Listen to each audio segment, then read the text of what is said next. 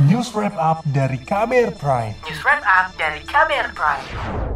Saudara pengesahan rancangan Kitab Undang-Undang Hukum Pidana RKUHP beberapa waktu lalu masih memunculkan sejumlah kontroversi. Sorotan bahkan datang dari luar negeri. Selengkapnya kita simak laporan khas KBR disusun Reski Novianto. Perserikatan Bangsa-Bangsa menegur keputusan DPR RI yang mengesahkan rancangan Kitab Undang-Undang Hukum Pidana RKUHP menjadi KUHP. Badan multilateral itu menilai sejumlah aturan baru dalam KUHP tidak sesuai dengan nilai-nilai kemanusiaan.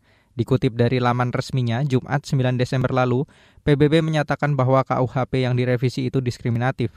Selain itu, sejumlah pasal dalam KUHP dianggap tidak sesuai dengan kebebasan dasar dan hak asasi manusia. Tidak hanya PBB, sorotan keras juga datang dari pemerintah Amerika Serikat dan Australia. Dikutip dari AFP, juru bicara Departemen Luar Negeri AS, Ned Price, menyebut negaranya khawatir tentang perubahan yang dapat berdampak pada pelaksanaan hak asasi manusia HAM dan kebebasan mendasar di Indonesia akibat pengesahan RKUHP itu. Ned Price menyebut ini akan berdampak negatif bagi warga Amerika di Indonesia maupun bagi iklim investasi. Media Australia juga memberi peringatan ke warganya yang menjadi turis di Indonesia, terutama yang berpergian ke Bali. Australia mengimbau bagi warganya soal pidana bagi pelaku seks di luar nikah seperti yang diatur KUHP terbaru. Ini dilakukan media setempat utamanya bagi turis negara itu yang pergi berkunjung ke Bali yang merupakan tujuan favorit warga negeri kangguru. Khawatiran asing ditanggapi santai oleh pemerintah. Wakil Menteri Hukum dan HAM Edward Omar Syarif Yaris mengatakan ada tiga pasal pidana yang berbeda-beda pada setiap negara, yaitu delik penghinaan, delik kesusilaan, dan delik politik. Karena itu di hadapan PBB, Edward menegaskan tiga delik itu tidak bisa dibandingkan dengan negara lain karena sesuai dengan kondisi sosial hingga politik di tanah air.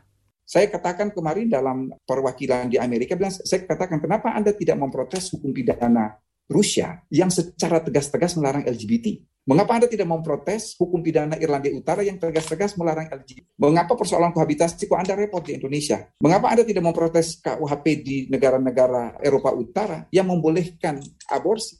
Padahal aborsi di kita itu adalah tidak pidana. Kita ini masih sangat liberal, tidak ada persoalan LGBT itu dimasukkan di dalam KUHP bahwa larangan, nggak ada. Sementara Menteri Pariwisata Ekonomi Kreatif Sandiaga Uno menyatakan tidak ada pembatalan kunjungan wisatawan secara signifikan setelah RKUHP disahkan menjadi undang-undang. Hal ini ia sampaikan menanggapi beragam reaksi di masyarakat terkait pengesahan KUHP, termasuk terkait kabar pembatalan kunjungan wisatawan asing karena khawatir dengan penerapan pidana. Kita sosialisasikan uh, wisata di Indonesia aman, nyaman, dan menyenangkan. Uh, saya akan uh, jamin uh, institusi kami, Kemenparekraf, uh, akan uh, langsung berkoordinasi dengan aparat hukum, dengan uh, para penasehat hukum juga bahwa kekhawatiran yang disampaikan oleh uh, wisatawan itu bisa uh, kita antisipasi. Sandiaga memastikan kegiatan pariwisata bagi Wisman di Indonesia tidak akan terganggu. Ia mengklaim Indonesia adalah bangsa yang menghargai tamu dan menghormati ranah privasi mereka. Kalangan parlemen turut angkat suara terkait sorotan asing terhadap KUHP terbaru. Anggota Komisi Bidang Hukum DPR Habibur Rahman menyebut Undang-Undang KUHP merupakan produk perundang-undangan terbaik yang dihasilkan DPR. Ia juga menolak KUHP disebut anti demokrasi dan bisa dimanfaatkan untuk mengkriminalisasi. Jadi jauh lebih merusak KUHP yang lama daripada KUHP yang baru. Nah, sementara tidak mungkin bagi kita terus mengulur waktu. Harus ada uh, pengambilan keputusan. Sebab semakin lama di tunda pengambilan keputusan, korban-korban KUHP bersama undang-undang yang berlaku bersama KUHP ini akan semakin banyak berjatuhan. Nah itulah akhirnya kita kemarin sahkan dan kami uh, percaya diri mengatakan inilah produk perundang-undangan yang paling baik yang uh, bisa kami hasilkan. Kontroversi disahkannya Undang-Undang KUHP terbaru turut disorot Koalisi Masyarakat Sipil. Anggota koalisi, Rozi Brilian dari LSM Kontras menilai Pengesahan RKUHP membuktikan proses legislasi yang buruk.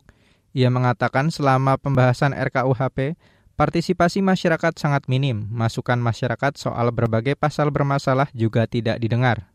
Sipil kita tahu RKUHP ini juga salah satu keinginan dari Presiden Jokowi. Jadi ini uji materi di Mahkamah Konstitusi sudah tidak strategis dulu, tapi lagi-lagi saya belum berani bicara langkah strategis apa yang akan dijalankan oleh polisi masyarakat sipil. Yang jelas kami sedang wait and see, listing segala macam dan lain sebagainya untuk selanjutnya bisa kita advokasi uh, baik secara litigasi maupun mitigasi ke depan. Demikian laporan khas KBR, saya Reski Novianto.